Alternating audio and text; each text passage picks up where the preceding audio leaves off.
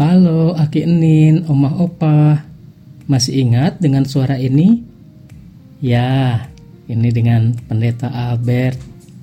Gimana kabarnya? Semoga semua baik-baik saja ya.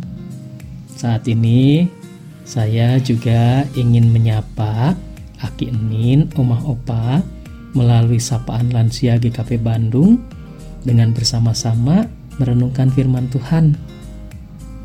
Dan tema saat ini adalah hidup bukan milik kita sendiri. Dengan bahan bacaan dari Matius 16 ayat 21 sampai dengan 25. Sebelumnya kita akan berdoa yuk.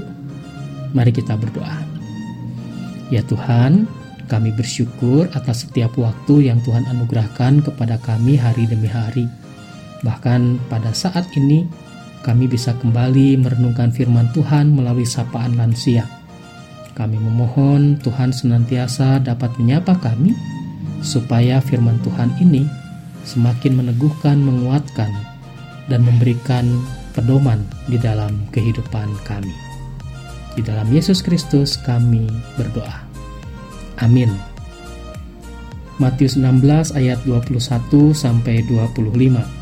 Saya bacakan ya bagi kita semua.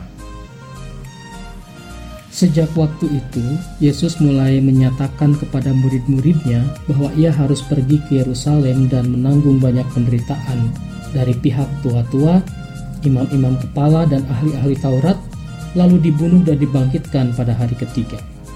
Tetapi Petrus menarik Yesus ke samping dan menegur dia, katanya, Tuhan, kiranya Allah menjauhkan hal itu. Hal itu sekali-kali takkan menimpa engkau. Maka Yesus berpaling dan berkata kepada Petrus, Nyahlah iblis, engkau suatu batu sandungan bagiku, sebab engkau bukan memikirkan apa yang dipikirkan Allah, melainkan apa yang dipikirkan manusia. Lalu Yesus berkata kepada murid-muridnya, setiap orang yang mau mengikut aku, ia harus menyangkal dirinya, memikul salibnya, dan mengikut aku. Karena barang siapa mau menyelamatkan nyawanya, ia akan kehilangan nyawanya.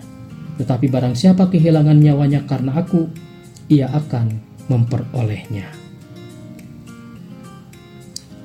Omah opa, Aki Enin yang dikasih Tuhan, kita mungkin sering mendengar kata-kata bijak yang berkata seperti ini jadilah dirimu sendiri. Pernah mendengar kalimat bijak itu? Pasti pernah ya. Kalimat bijak itu ingin mengajak setiap orang untuk jadi apa adanya. Tidak usah menjadi orang lain. Jujurlah dengan dirimu sendiri. Tidak usah ikut-ikutan orang lain. Bersyukur saja menerima kenyataan dan lain sebagainya. Bila melihat dari definisi atau penjelasan tersebut, nampak tidak ada yang salah. Malah, kita bisa menerima dan mendukung pernyataan tersebut. Namun, bila kita diperhadapkan dengan pernyataan Yesus, bagaimana? Ketika dunia berkata, "Jadilah dirimu sendiri," tetapi Yesus justru berkata, "Setiap orang yang mau mengikut Aku, ia harus menyangkal dirinya, memikul salibnya, dan mengikut Aku." Bila melihat perkataan Yesus itu, ternyata kita tidak bisa tuh menjadi diri sendiri. Kita malah harus menyangkal diri dan mengikut Yesus. Karena betul, jika kita mau jujur, dengan menjadi diri sendiri, apakah kita selalu bisa dan mau mengikut Yesus? Belum tentu. Dengan menjadi diri sendiri, apakah kita mau menyangkal diri? Belum tentu. Dengan menjadi diri sendiri, maka kita ingin apa yang kita sendiri inginkan, dan semuanya itu biasanya tidak sesuai dengan kehendak Allah. Umat percaya tidak bisa hidup menurut kehendak dirinya sendiri, tetapi ia harus hidup sesuai dengan kehendak Allah di dalam Yesus. Sesuai dengan tema kita, hidup bukan milik kita sendiri. Tema itu iya dan betul. Hidup yang kita jalani ini bukan milik kita sendiri. Jika kita mau jujur, hidup kita ini bukan milik kita sendiri loh. Hidup kita ini ternyata juga milik anak cucu kita. Karena ada bagian dari kehidupan kita yang juga milik anak cucu kita ketika apa? Ketika kita harus mengurus dan membesarkan mereka. ada bagian dari kehidupan kita yang juga menjadi milik bos kita ketika kita dulu masih aktif bekerja. Ada bagian dari kehidupan kita yang ternyata juga menjadi milik gereja ketika apa? Ketika kita ikut ambil bagian di gereja. Dan jika kita mau sungguh-sungguh menghayati bahwa toh memang hidup kita bukan milik kita sendiri, tapi betul-betul milik Tuhan. Tanpa Tuhan, maka kita tidak akan bisa menjalani hidup ini. Salah satu bukti konkret yang tidak bisa dibantah bahwa hidup kita bukan milik kita sendiri adalah suatu saat kita akan meninggalkan dunia ini karena kehidupan kita adalah milik atau anugerah dari Tuhan. Oma opa aki enin yang dikasih Tuhan, bacaan kita saat ini berbicara mengenai bagaimana cara mengikut Yesus. Setiap mereka yang mengikut Yesus harus mau menyangkal diri dan memikul salib. Kalau kita melihat konteks dari ayat tadi, maka kita dapat melihat bahwa Yesus mengatakan perkataan tersebut setelah Yesus mendengar pengakuan dari murid-muridnya, secara khusus Petrus, mengenai siapa Yesus menurut mereka. Petrus berkata bahwa Yesus adalah Mesias. Setelah itu Yesus menegur para muridnya untuk tidak memberitahukan hal itu kepada siapa pun juga bahwa ia Mesias. Silahkan untuk dibaca dalam Matius 16 ayat 20 sebelum bacaan kita. Lalu di ayat selanjutnya, kita mendapat cerita bahwa justru Petrus mencoba menghalangi Yesus untuk menerima rencana Allah, yaitu untuk menerima siksaan, dibunuh, dan kemudian bangkit pada hari ketiga. Sehingga Yesus bukan hanya menegur, tetapi seperti menghardik Petrus dengan menyebutnya sebagai iblis karena menempatkan pemikiran sendiri di atas pemikiran Allah.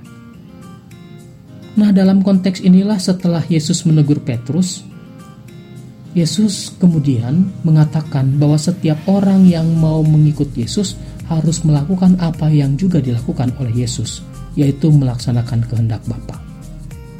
Kehendak Bapa yang seperti apa? Seperti yang tentu akan Yesus lakukan ketika ia akan menerima penderitaan di Yerusalem melalui salib. Hal ini juga menandakan bahwa setiap orang yang mengaku sebagai murid Yesus harus juga bersedia memikul salib seperti yang Yesus lakukan. Namun pada kenyataannya, tidak semua orang mau untuk hidup menderita di dalam Yesus, sehingga mereka lebih ingin mengikuti kemauan dirinya sendiri, bukan? itu namanya bukan menyangkal, tapi menuruti. Yang disebut menyangkal adalah menolak keinginan diri sendiri dan menerima keinginan Tuhan. Oma opa aki enin yang dikasih Tuhan, menyangkal diri adalah menempatkan kebenaran dan kehendak Allah lebih tinggi daripada keinginan pribadi. Ini adalah suatu tindakan yang tidak mudah, karena kita sering melakukan apa-apa yang kita anggap gampang dan lebih menguntungkan kita tanpa mempertimbangkan apa yang sebenarnya diinginkan oleh Tuhan dalam kehidupan kita. Omah Opa, Aki Enin, Opung Boru, Opung Doli yang dikasih Tuhan, hidup kita ternyata bukan milik kita sendiri. Paulus juga dalam surat 3 Galatia 2 ayat 20 mengatakan bahwa namun aku hidup tetapi bukan lagi aku sendiri yang hidup melainkan Kristus yang hidup di dalam aku. Kenapa Paulus dapat berkata seperti itu? Karena Paulus menyadari bahwa di dalam Yesus hidupnya malah bertumbuh dalam iman. Paulus menyadari bahwa ia dulu yang jauh dan bahkan menentang Yesus dan mencari para pengikut Yesus untuk dibunuh, justru ia merasa malah ditangkap oleh Yesus dan dijadikan alat oleh Yesus untuk memberitakan Injil.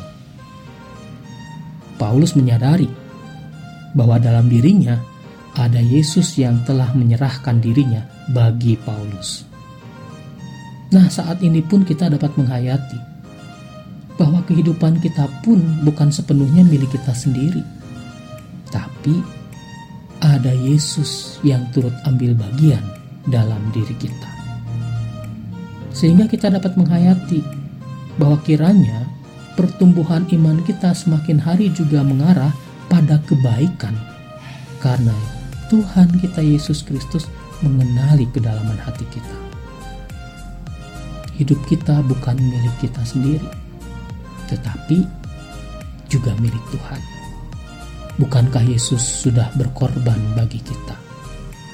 Maka dari itu kita tidak dapat sepenuhnya mengklaim menjadi diri sendiri, tetapi harus serupa dengan Kristus. Imitatio tu Cristo. Semoga melalui perenungan saat ini kita bisa dapat menjaga diri bahwa di dalam diri kita ada Kristus. Dan dengan demikian, hidup kita ini bukan sepenuhnya milik kita, tetapi juga milik Kristus. Amin. Mari kita berdoa. Terima kasih Tuhan. Engkau saat ini berkenan menyapa kami, mengingatkan kami bahwa walaupun kami hidup, tetapi hidup ini bukanlah milik kami sendiri, tetapi milik Tuhan. Sehingga dengan apa yang dapat kami lakukan, apa yang kami katakan, seharusnya membawa kami pada sebuah perencanaan untuk dapat mempermuliakan nama Tuhan. Sebagai lansia, ada hal-hal yang bisa dapat kami lakukan untuk dapat mempermuliakan nama Tuhan, bukan untuk mempermuliakan diri sendiri. Terima kasih. Amin. Demikian sapaan bagi Bapak Ibu, Omah Opah, Aki Enin dari Cimahi. Semoga dapat menjadi berkat bagi kita sekalian. Sampai jumpa dalam sapaan-sapaan berikutnya. Tuhan memberkati.